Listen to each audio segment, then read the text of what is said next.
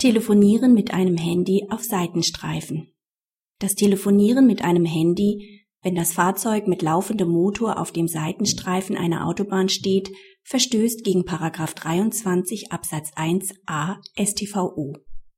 Der Betroffene hatte auf einer Autobahn auf dem Seitenstreifen angehalten, um zu telefonieren. Dabei ließ er den Motor an.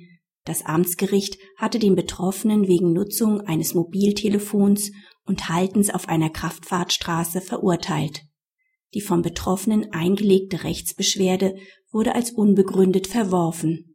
Das Oberlandesgericht wies darauf hin, dass Paragraph 23 Absatz 1a StVO dem Fahrzeugführer die Benutzung eines Mobiltelefons untersage, solange das Fahrzeug in Bewegung oder bei einem Kraftfahrzeug der Motor in Betrieb sei.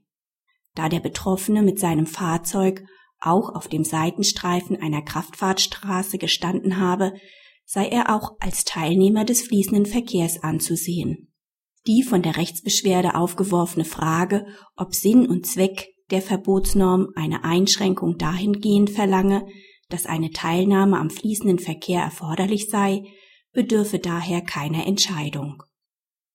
Praxishinweis die Entscheidung bestätigt noch einmal die großzügige Auslegung des Paragraphen 23 Absatz 1a StVO in der höchstrichterlichen Rechtsprechung.